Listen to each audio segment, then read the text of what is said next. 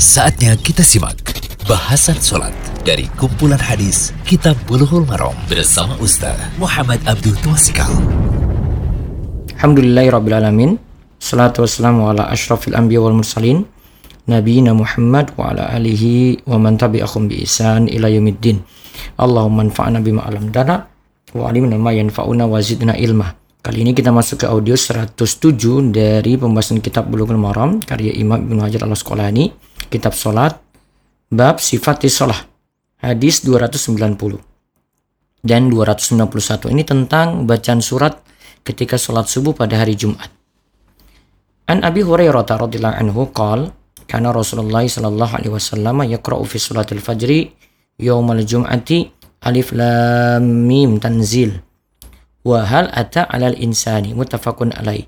Dari Abu Hurairah radhiyallahu anhu ia berkata bahwa Rasulullah Shallallahu alaihi wasallam dalam sholat fajar pada hari Jumat beliau membaca surat Alif Lam Mim Tanzil yaitu surat As-Sajdah dan surat Hal Ata alal Insani surat Al-Insan muttafaqun alaih.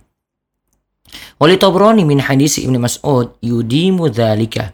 Menurut Imam Tabrani dari hadis Ibnu Mas'ud beliau selalu membaca surat tersebut.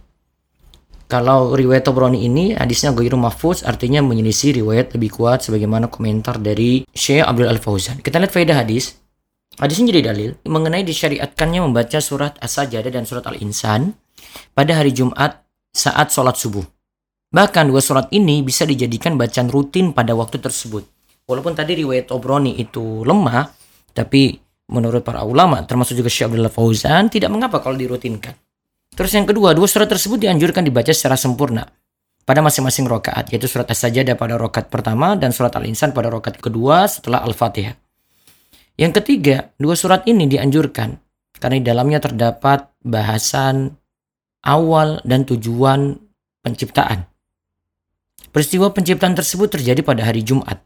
Hari Jumat juga waktu disempurnakannya penciptaan langit dan bumi penciptaan Adam dan dikeluarkannya Adam dari surga sehingga keturunannya berkembang di muka bumi. Hari Jumat juga waktu terjadinya kiamat, hari kebangkitan, hari pembalasan. Oleh karenanya ada anjuran membaca dua surat ini untuk mengingatkan peristiwa-peristiwa yang terjadi pada hari Jumat. Yang keempat, para imam masjid dianjurkan menghafalkan dua surat yaitu surat As-Sajdah dan surat Al-Insan secara sempurna. Yang kelima, membaca surat yang ada ayat sajadah bukanlah jadi anjuran pada hari Jumat saat waktu subuh.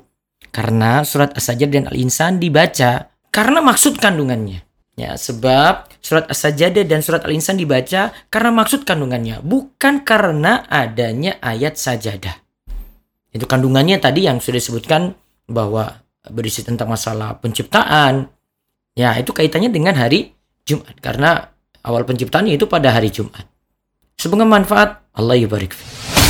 Demikian bahasan sholat dari kumpulan hadis Kitab Bulughul Maram bersama Ustaz Muhammad Abdul Tuasikal.